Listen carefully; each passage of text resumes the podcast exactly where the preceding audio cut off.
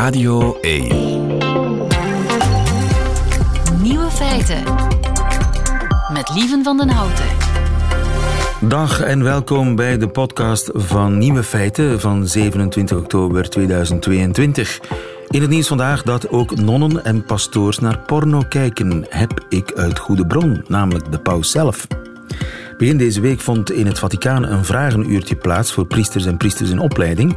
En een van de aanwezigen vroeg naar de plaats van het internet binnen het christendom. Waarop de paus eerst waarschuwde voor het obsessief volgen van het nieuws. En voor het naar muziek luisteren die je van je werk afleidt. Maar daarna schakelde hij over naar een groter gevaar, met name online pornografie. Een zonde die weinig mensen vreemd is, zelfs priesters en nonnen niet zei hij. Ook zij kijken porno. En voor de duidelijkheid voegde de paus er nog aan toe dat hij het niet over kinderporno had, maar over standaardporno. Want dat is hoe de duivel bij je binnenkomt. Zo besloot de Heilige Vader, die het uiteraard van horen zeggen heeft. De andere nieuwe feiten vandaag. De generatiekloof op de werkvloer. Millennials en boomers leven in een andere wereld, maar moeten toch samenwerken. Hoe dat beter kan, daarover schrijft Japke Bauma in haar nieuwe boek een paar interessante hoofdstukken. De maandagbetogingen zijn terug in Leipzig, Oost-Duitsland. In 89 waren ze gericht tegen de muur, dus tegen Moskou. Nu zijn ze min of meer voor Moskou. Relatiedeskundige Rika Ponet beantwoordt de vraag van luisteraar Paula. Haar dochter van 16 heeft een online lief in Polen. En het parcours van de Ronde van Frankrijk van volgend jaar is voorgesteld. De nieuwe feiten van Bas Birker, die hoort u in zijn middagjournaal. Veel plezier. De maandagbetogingen zijn terug in Oost-Duitsland. 33 jaar geleden, net voor de val van de muur, kwamen de Oost-Duitsers massaal op straat op maandag om te protesteren tegen Moskou. Laat ons vrij. Stasi buiten.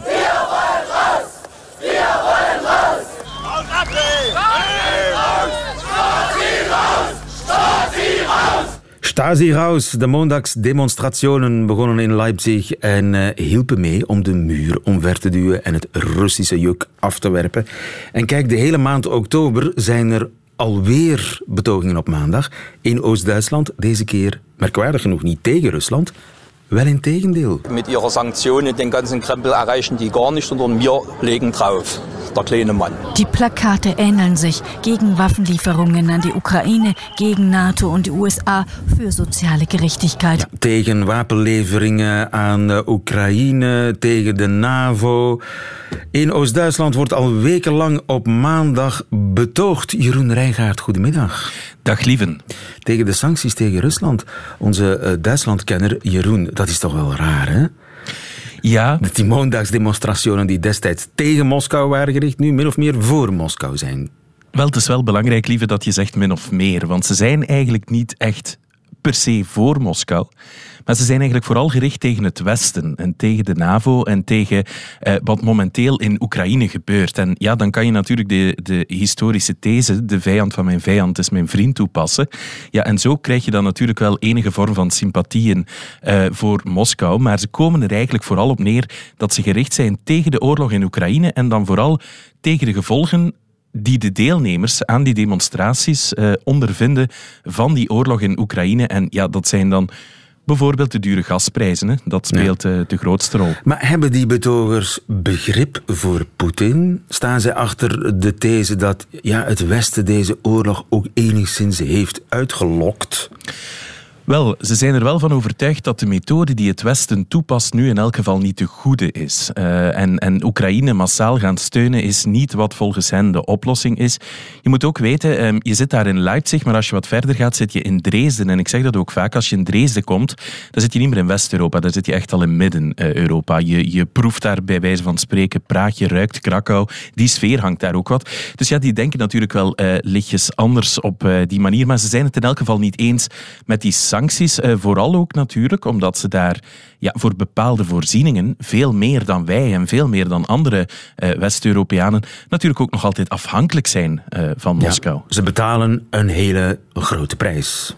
Ja, toch wel. Bijvoorbeeld om maar iets te zeggen, tot, tot vlak na de inval in Oekraïne was een deel van de benzine gasvoorziening in, uh, in, in Oost-Duitsland. Uh, nog steeds rechtstreeks via pijpleidingen, afkomstig uit Rusland. Die, ja, die fameuze Nord Stream-leidingen, die komen natuurlijk ook in Oost-Duitsland uh, aan wal, hè, in, in Mecklenburg-Vorpommern. Dus ja, zij zijn er natuurlijk meer mee geconnecteerd en ze hebben nog altijd bedrijven, ook 32 jaar na de eenmaking en 33 jaar na de val van de muur, die, ja, die, die grote connecties hebben met Rusland. Dus ja, als één deel van Duitsland het snelst voelt, is het natuurlijk het oosten, enerzijds. En anderzijds, daar wonen ook de armste Duitsers natuurlijk. Dus de combinatie van die twee ja, maakt dat ze die oorlog echt aan de lijve ondervinden. Ja, Terwijl in Polen er juist een hele grote gevoeligheid is voor Russische agressie. Diezelfde gevoeligheid is er kennelijk niet in Oost-Duitsland.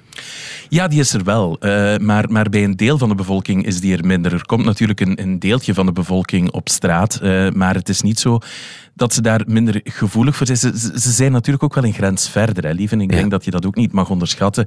Polen ligt ook wel echt pal naast Oekraïne. Uh, van Lviv naar Krakau, dat is anderhalf uur of twee uur rijden. Meer is dat niet. Ja, tegen dat je de Oder over bent en dan toch in de DDR bent, dan ben je toch alweer dat stapje verder. Maar zij hebben bijvoorbeeld ook wel geholpen, ook in Oost-Duitsland natuurlijk, om Oekraïnse vluchtelingen op te vangen. Dus dat doen ze dan natuurlijk weer ja. wel. Maar ja, ze willen, ze willen gewoon die gevolgen niet meer en ze voelen zich een beetje door het Westen ja, in, in, in de zak gezet op die manier. Ja, en zijn er politieke partijen die dat protest steunen of aanjagen? Ja, en je moet ze gaan zoeken aan, aan de beide uitersten, hè, les extremes se touche, uh, zeker in, uh, in, in, voormalig, in de voormalige DDR. Um, want je hebt eigenlijk twee soorten protesten op maandag. Je hebt er namelijk, je, je kan kiezen als je wil gaan protesteren, om het zo te zeggen. Je sluit je ofwel aan bij extreem rechts, ofwel aan bij extreem links. En de politieke partijen die daarmee achter zitten zijn die linken.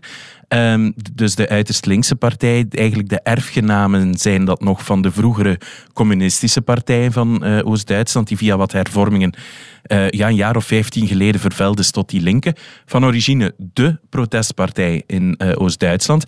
Maar ja, sinds 2015 heeft uh, de Alternatieve voor Duitsland, de uiterst rechtse partij, die protestrol overgenomen. Wel, allebei willen ze nu opnieuw de, de protestpartij van de Oost-Duitser worden en richten ze dus ook demonstraties in, waarbij ze ook vooral het publiek aanraden om niet naar de demonstratie van de anderen te gaan. Maar in C hoor je daar wel dezelfde slogans en hoor je wel dezelfde eisen. Dus ja, die twee extremen hopen daarvan te profiteren. Dat is wel een heel absurde situatie, dat je dus in Leipzig op maandag naar twee montagsdemo's kunt gaan. Ja, ze proberen ze zoveel mogelijk uiteen te houden. Natuurlijk, uh, dat is voor iedereen het veiligste, maar, maar het is... Ja, het is ze willen hetzelfde, echt... maar ze haten elkaar. Ja, zo, daar komt het eigenlijk op neer, ja. Jeetje. Nu, uh, en de SPD, als we het dan over de politieke reactie hebben, de SPD van kanselier Scholz, uh, hoe staat die tegenover de ja, eisen van de montagsdemo's? Ja, al die andere partijen, die, die, uh, de traditionele partijen, die kijken dat natuurlijk wel met wat argwaan aan, hè, wat daar in het uh, oosten gebeurt. Je moet weten, um, zowel de AFD als die linken besturen zo goed als niet mee. Behalve in Turingen, daar zit die linken um, wel in, in het eh, bestuur van de deelstaat, maar in de andere deelstaten niet. En die traditionele partijen, dat is in de een de CDU en het andere de SPD, die de macht hebben, die bekijken dat ja met, met heel veel schrik. Omdat ze vrezen dat daar een verdere radicalisering aan het plaatsvinden is. En ze kijken dan vooral naar de rechterkant, want die rechtse demonstraties halen ook wel meer volk dan de linkse demonstraties. Uh, dus ze hebben daar wel schrik voor dat daar ja, steeds meer burgers gaan afhaken. En daarom uh, proberen ze daar een antwoord op te verzinnen, vooral ja, op de reactie uh, van, van uh, die mensen. Anderzijds natuurlijk heeft Duitsland algemeen wel een beleid dat momenteel, en het is toch geen kleintje, via uh, 200 miljard euro de Duitsers wil proberen te helpen om door die crisis te komen. En ja. daar ja, profiteert het Oosten natuurlijk ook wel van. Hè? Maar zal Scholz zijn standpunt in uh, de oorlog in Oekraïne, zal, zal dat invloed hebben van die demonstraties? Zal hij zijn standpunt milderen? Zal... Het is niet de gewoonte om daar in Duitsland veel aan toe te geven. Het is niet de gewoonte dat die demonstraties uh, veel uithalen. Scholz zit natuurlijk al aan de meest milde kant. Hè. Met zijn Ja. eh, hulp aan Oekraïne en zijn zeker retorisch tegenover Rusland is Scholz al ja, zeer rustig in vergelijking met bijvoorbeeld Maar dat is niet onder invloed van die protestbeweging. Nee, dat is eerder onder de invloed natuurlijk van, van de SPD zelf, die nog altijd eh, in de sfeer van Willy Brandt een, een vorm van Oostpolitiek sympathie heeft.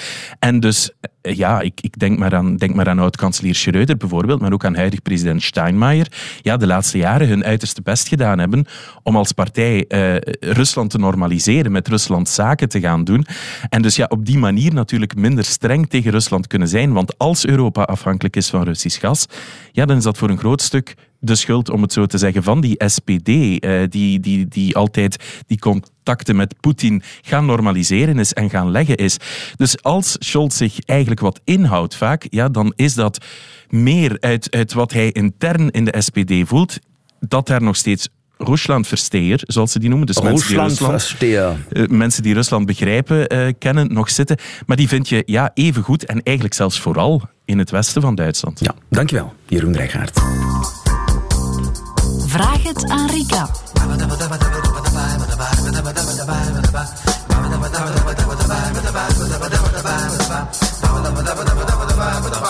En het is toch wel weer donderdag zeker? En wie zit hier dan? Rika Ponet. Ah, hallo. Goedemiddag Rika, blij dat je het weer eh, gemaakt hebt, Ja. eh, gehaald hebt. Deze studio klaar om weer een eh, relationeel familiaar probleem op te lossen.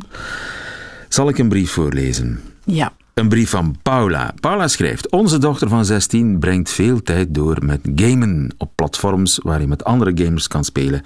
En met het verzenden van berichtjes op het medium Discord, een soort internationale WhatsApp. Discord. Ja, Nog nooit van gehoord. dat is eh, Ah, populair bij gamers. ja. Oké. Via deze kanalen is ze in contact gekomen met een Poolse jongen. Hij zou 17 zijn.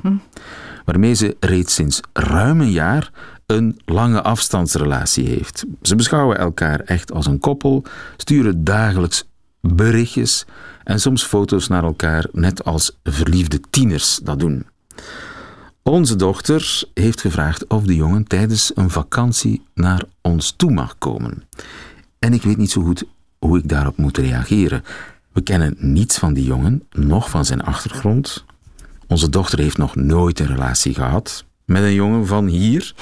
Buiten een aantal Sweet 16 feestjes bij vriendinnen thuis en binnenkort een eerste vijf heeft ze nog niet echt geproefd van het uitgaansleven hier.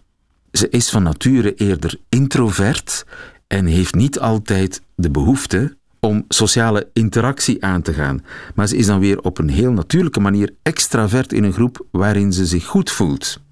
Bijvoorbeeld bij neven en nichten. Of wanneer ze bij haar vriendinnen is, zie ik haar genieten. Is ze zelfzeker en bloeit ze zelfs helemaal open.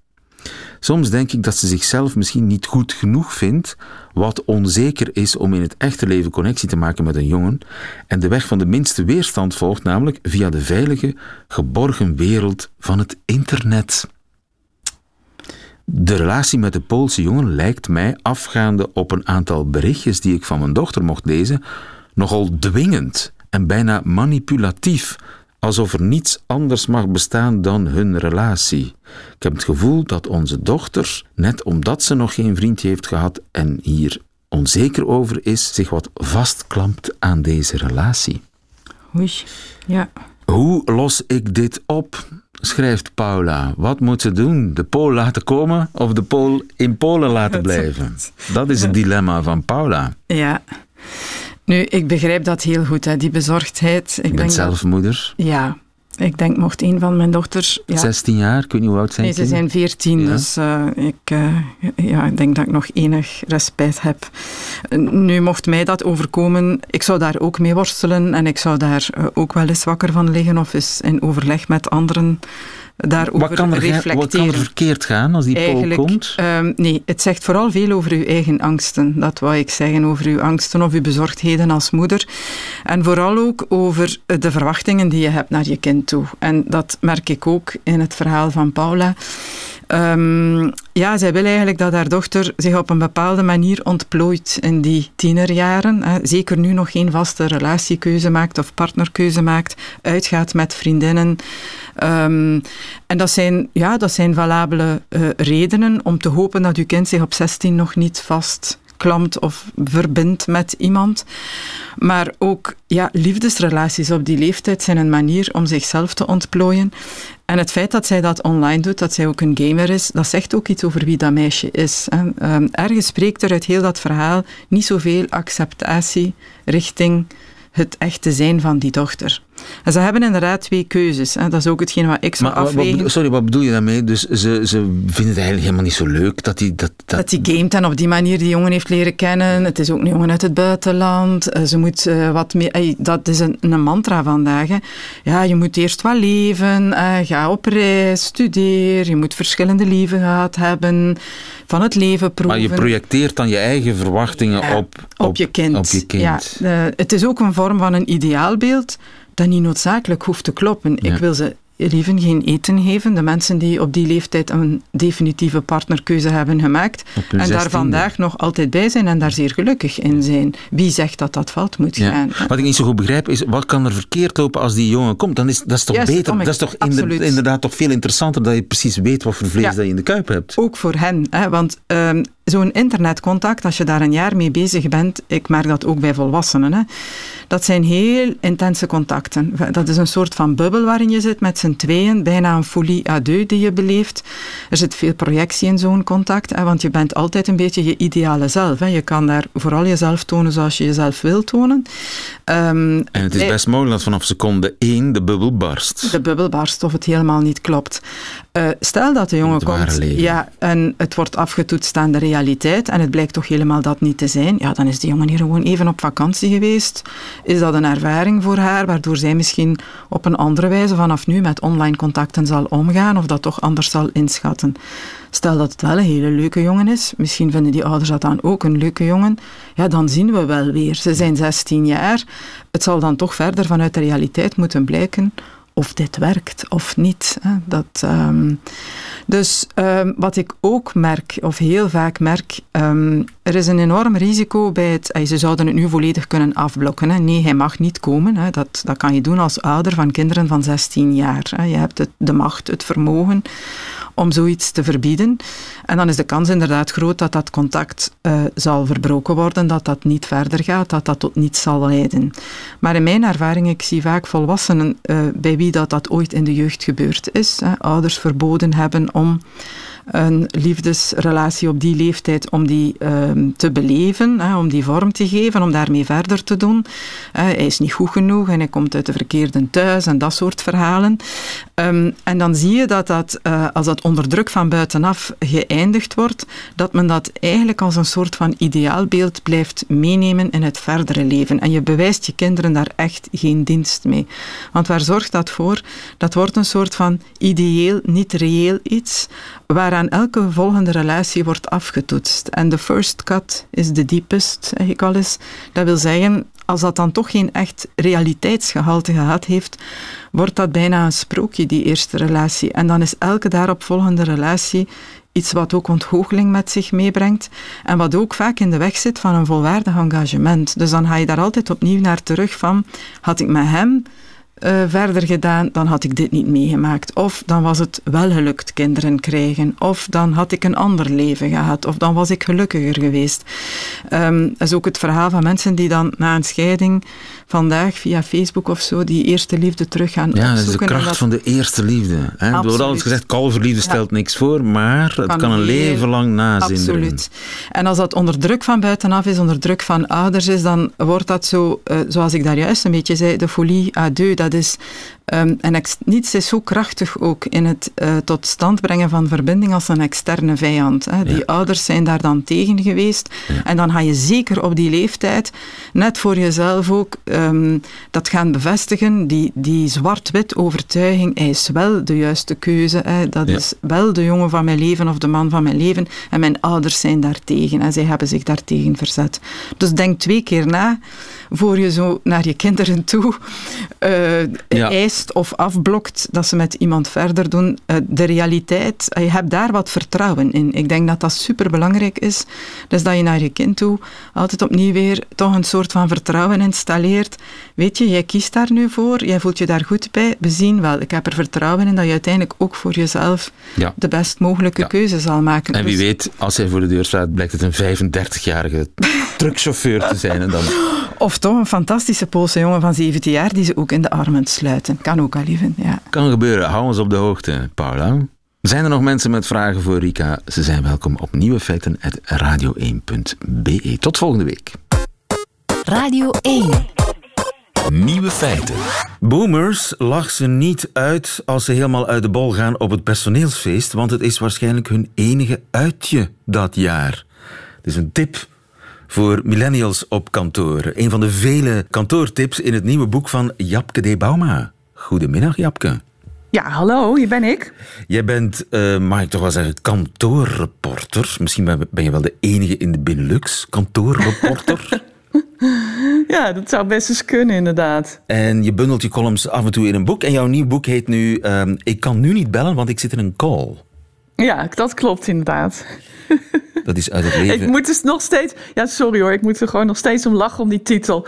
Uh, omdat het natuurlijk zo'n uh, belachelijke uitdrukking is. En het ook zo belachelijk is dat je tegenwoordig het woord call uh, overal hoort. voor een stomme videovergadering die nergens voor nodig is. Intussen ben je een soort troosteres der kantoorsukkels. Hè? Een soort mengeling van een, een dokter, een goeroe. Je bent ook een meldpunt. Iedereen komt jou Iedereen weet jou te vinden. Ja, dat klopt inderdaad. Ja, dat is een beetje uit de hand gelopen. En in je nieuwe boek heb je heel veel aandacht voor de generatiekloof op kantoor. Met name de kloof tussen boomers en millennials. Maar ja, ik zelf bijvoorbeeld, ik ben een hardnekkige boomer-ontkenner. Want voor mij is een boomer iemand die geboren is, ja, de eerste 15, 20 jaar na de oorlog. Ik ben van daarna.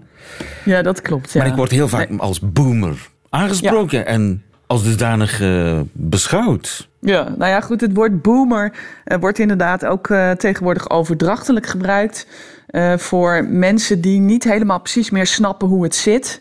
Uh, en die de, die de boot een beetje aan het missen zijn. Dus dat kunnen ook mensen van 20 zijn of uh, van 30. Hè. Dus dat zijn dan de oude zielen in een jong lichaam. Denk aan de, aan de um, jongere afdeling van het CDA hier uh, in Nederland bijvoorbeeld. maar meestal zijn het inderdaad 50-plussers, 55-plussers ja, die zich toch anders gedragen uh, op kantoor. Gemiddeld dan, hè? Want uh, eigenlijk bestaan generaties natuurlijk niet. Ja, want je zou kunnen zeggen, op welke leeftijd ligt die grens tussen beide? Want als je zegt de grens ligt op 55, dan moet er een soort tussencategorie zijn, toch? Want... Ja, maar dat maakt het dus ook zo ongelooflijk onoverzichtelijk. En daarom heb ik ook zo ongelooflijk veel reacties gekregen op, uh, op deze twee hoofdstukken.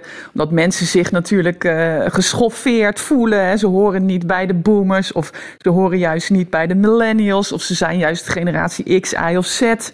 dus het is allemaal een enorme onoverzichtelijke toestand. En ik heb uh, geprobeerd om, om, om daar wat generalisaties uh, over in kaart uh, te brengen. Bijvoorbeeld dat boomers altijd zoveel printen. Ja. Dat printer is heilig hè, voor boomers. ja, printer is heilig.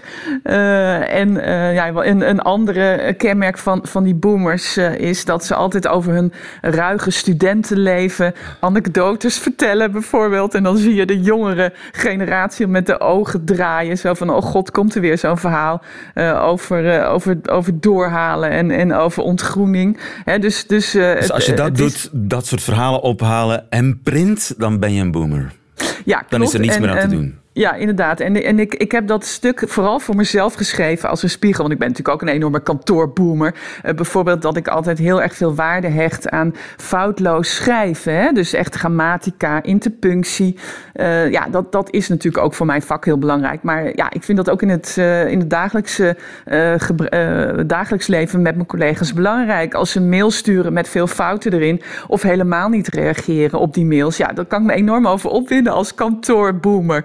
Dat is dus een, een, geweldige tip voor millennials. Wil je serieus genomen worden door ja. je boomer-collega's? Let dan een beetje op de spelling en de interpunctie.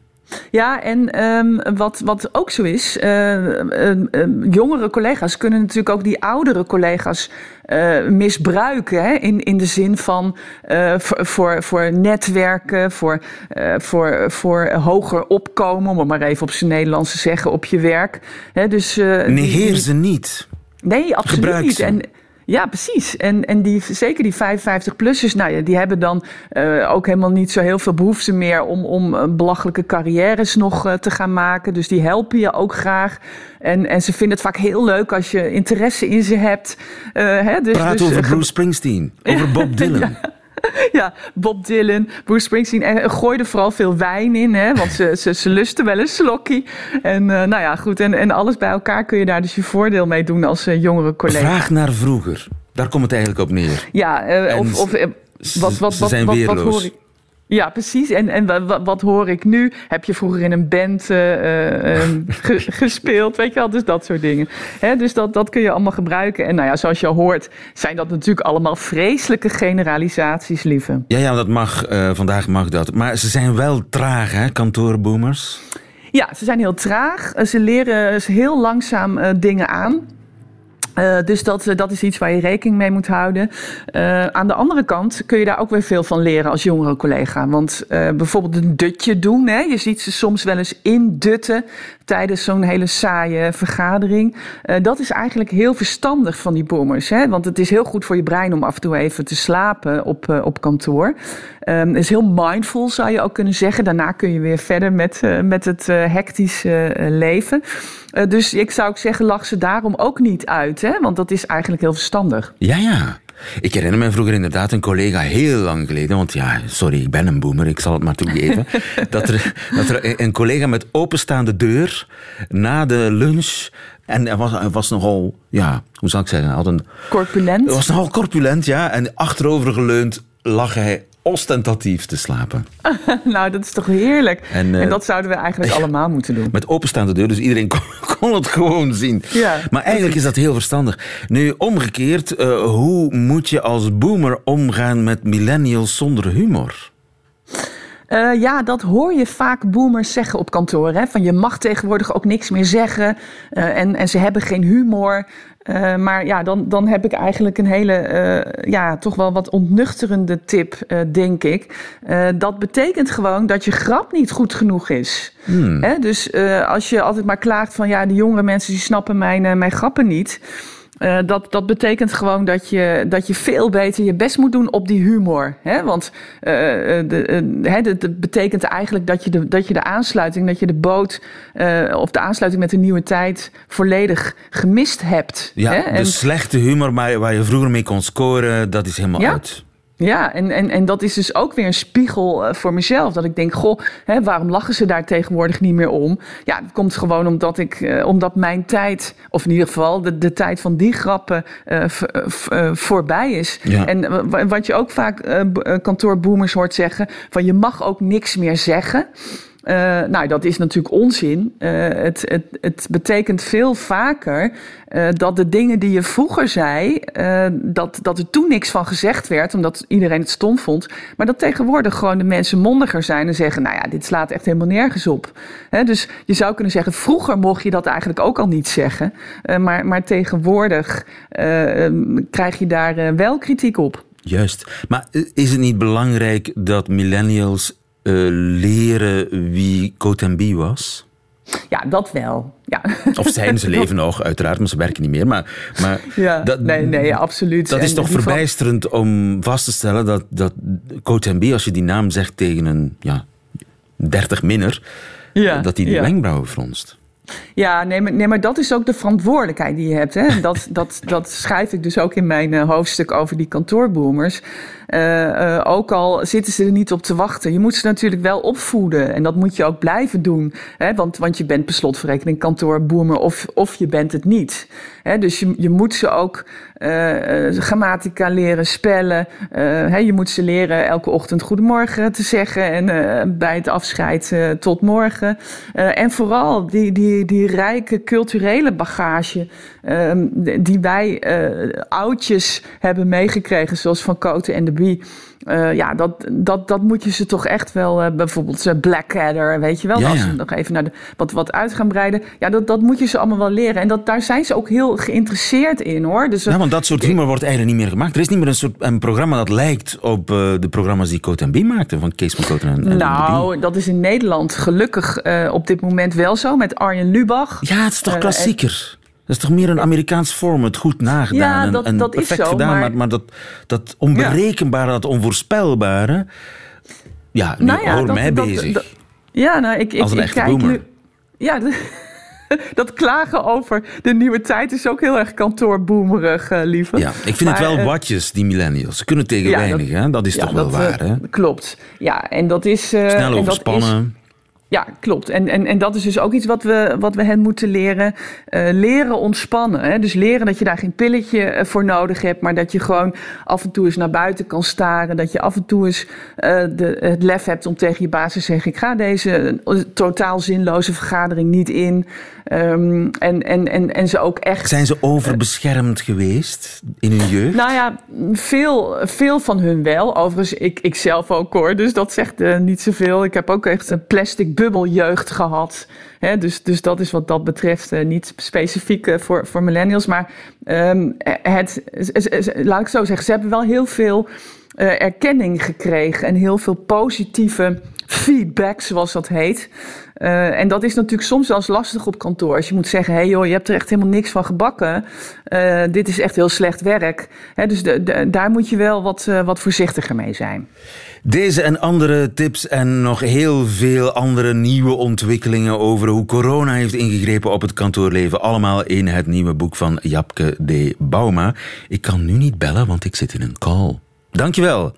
En goedemiddag, gedaan, Japke Bauma. Nieuwe feiten. En er is nieuws dat zowel de millennials als de kantoorboomers zal plezieren. David Naert, goedemiddag. Goedemiddag, lieve. Zo pas is het parcours van de Tour de France voorgesteld. Groot nieuws. Groot nieuws. Het is altijd uitkijken. Hè? En het wordt vooral een affaire in het zuidelijke deel van Frankrijk met uh, liefst 30 cols. Dat is uh, behoorlijk wat. Dus uh, het is zeker voer voor de klimmers. 30 calls. Mhm. En we hebben het over de Tour de France voor de mannen. Die voor de ja. vrouwen, die is al net voorgesteld. Hebben we in het nieuws van 12 uur al gehoord. Waar start die? Dat wisten we eigenlijk al in Spaans-Baskeland. Dus uh, dan gaan we vooral in de streek van uh, Bilbao onder meer uh, zitten. Een, een, streek, ja, behoorlijk pittig voor de punchers. En dan gaan ze redelijk snel via de Pyreneeën naar het Centraal Massief. En de legendarische Puy de Dôme, dat is al een eeuwigheid geleden dat die nog is beklommen. Dat is de beruchte kol waar Eddy Merckx in 1975 de slag in de lever kreeg. Waardoor hij de Tour verloor. Dus daar gaan we terug naartoe. Uh, wat de bergen betreft ligt het zwaartepunt wel later in de ronde. In de Alpen met liefst 13 van de in totaal 30 cols. En de finale volgt dan in de Vogezen met onder meer de korte maar erg steile Petit Ballon. Dat is uh, de dag voor de afsluitende rit op de Champs-Élysées in Frankrijk. Um, ja, samenvattend. Er zijn acht vlakke ritten. Dat is een stuk meer dan dit jaar. Dus de sprinters gaan wat meer in de picture kunnen rijden. Acht bergritten met vier aankomsten bergop. Dus uh, het is echt een, een ronde die geschreven is op maat van de klimmers en de sprinters. De klimmers en de sprinters en de tijdrijders. Ik denk aan Remco natuurlijk. Ja, dat is een heel goede vraag die je stelt. Want Remco, die uh, beslist vaak een ronde in de tijdrit. Wel, in de Ronde van Frankrijk van volgend jaar is er wel geteld één Oei. tijdrit. Een korte dan nog van 22 kilometer. En als je daarnaast de Ronde van Italië van volgend jaar legt... 70 kilometers tegen de klok. Ik denk dat Remco voor de Giro zal kiezen en dat we hem dus niet in de Ronde van Frankrijk aan het werk zullen zien. Remco Evenepoel zal niet meedoen aan de Ronde van Frankrijk. Dat is een voorspelling van jou, dat is geen Zeg nooit weet. nooit, ja. maar er wordt toch altijd gekeken naar die tijdritkilometers. De organisatoren van de Giro hebben zich uitgesloofd om aan 70 kilometer tijdrit te komen in hoop de nieuwe vedette van het rondewerk bij hen aan de start te krijgen. Ja, 22 kilometer en vooral opboksen tegen kleppers als een Pogacar die in de bergen toch bijzonder sterk voor de dag kunnen komen. Sterker misschien hier en daar wel dan Remco Evenepoel. Ja, ik denk toch dat hij, uh, voor de Giro zal kiezen. Hij begint er niet aan. Het kan nog komen, hij is het nog kan jong. nog komen, hij is nog jong. Uh, bij de vrouwen toch nog even samenvatten. Van 23 tot 30 juli. Ja. Start in Clermont-Ferrand. Eindigt in Po. Acht ritten in totaal. Vier vlakke etappes. Twee geaccidenteerde ritten. Dat zijn al pittige ritten, ja, waar er al wel, wel wat geklommen moet worden. Maar vooral, ze trekken de Pyreneeën in. Eén rit in de Pyreneeën met aankomst op de Tourmalet. Ik kijk er zo naar uit. Dankjewel, David Naert. Goedemiddag. Nieuwe feiten. Radio 1. Bas Birker in het Middagjournaal. Nieuwe feiten. Middagjournaal. Liefste landgenoten. Ik werd gerecenseerd. Op zich logisch, want ik had zelf de pers uitgenodigd op mijn première vrijdag. En als je recensenten een kaartje geeft, dan is de stilzwijgende overeenkomst dat ze in ruil een artikel schrijven in de krant van dienstverband. Zo simpel als Tanja Dexters. Het gevolg is dat artiesten vanaf de day after 12 keer per dag angstvallig hun eigen naam zoeken op krantensites in de hoop op een sterrenregen. Als er sprake is van een min of meer bewezen succes, dan worden de mooie woorden tot in de lengte van dagen uitgemolken. En zo niet, dan wordt er nooit nog door iemand over gepraat. Het is net de politiek. Er zijn drie soorten recensies. Ten eerste is er de goede recensie. Die kan trouwens ook slecht zijn, maar zelfs dan is hij nog goed. En aan de andere kant is er ook de slechte recensie, die op zijn beurt ook weer goed kan zijn, maar slecht blijft. En er bestaan dus ook slechte slechte en goede goede. In geen geval een reden voor gezeur, want we hebben zelf harder om een beoordeling gevraagd dan elke webshop na een vibratorbestelling. Ter verduidelijking, een slechte recensie doet heel erg veel pijn. Maar als hij goed en onderbouwd is geschreven, valt er weinig tegen in te brengen en moet je ermee leven. Een goede recensie, die is gebaseerd op drogredenaties, persoonlijke smaak of de stand van de maan, is geen hol waard. Al gaan we die natuurlijk nog steeds uitmelken, we zijn artiesten of we zijn het niet. Opportunisme is ons zo vreemd als Kanye West totale waanzin. Tot slot is er de ongevraagde recensie. Die heeft zijn intrede gedaan met de komst van sociale media. Een totale leek op het gebied van wat dan ook leest een kop, trekt een conclusie zonder zich te verdiepen of überhaupt het artikel onder de kop te lezen en beslist, niet gehinderd door enige kennis van zaken of mensen, dat de wereld niet verder kan draaien zonder dat hun mening wereldkundig wordt gemaakt. Ik krijg deze week één goede goede, één slechte matige en meerdere ongevraagde recensies. Die laatste waren gisteren op de Facebookpagina van Radio 1. En ik ben niet alleen zo iemand die dan likes en reacties geeft, maar ik doe er ook echt wat mee. Binnenkort dus, in een advertentie op een sociaal medium in uw buurt. En dat noemt zich dan comedian, Mark Ogiers Maho. Die gast was beter in Holland gebleven, Jos Muiten. Simpel volksvermaak en kuddengedrag lachen, Rudy Billen. Want niets zegt zo hard dat je mening ertoe doet als ongevraagde bronvermelding.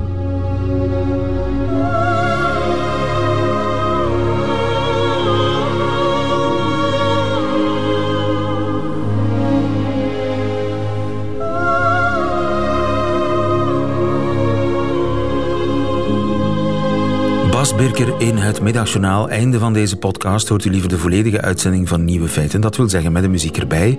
Dat kan uiteraard live elke werkdag tussen 12 en 1 op Radio 1 of on demand via de app of de website van Radio 1. Tot een volgende keer.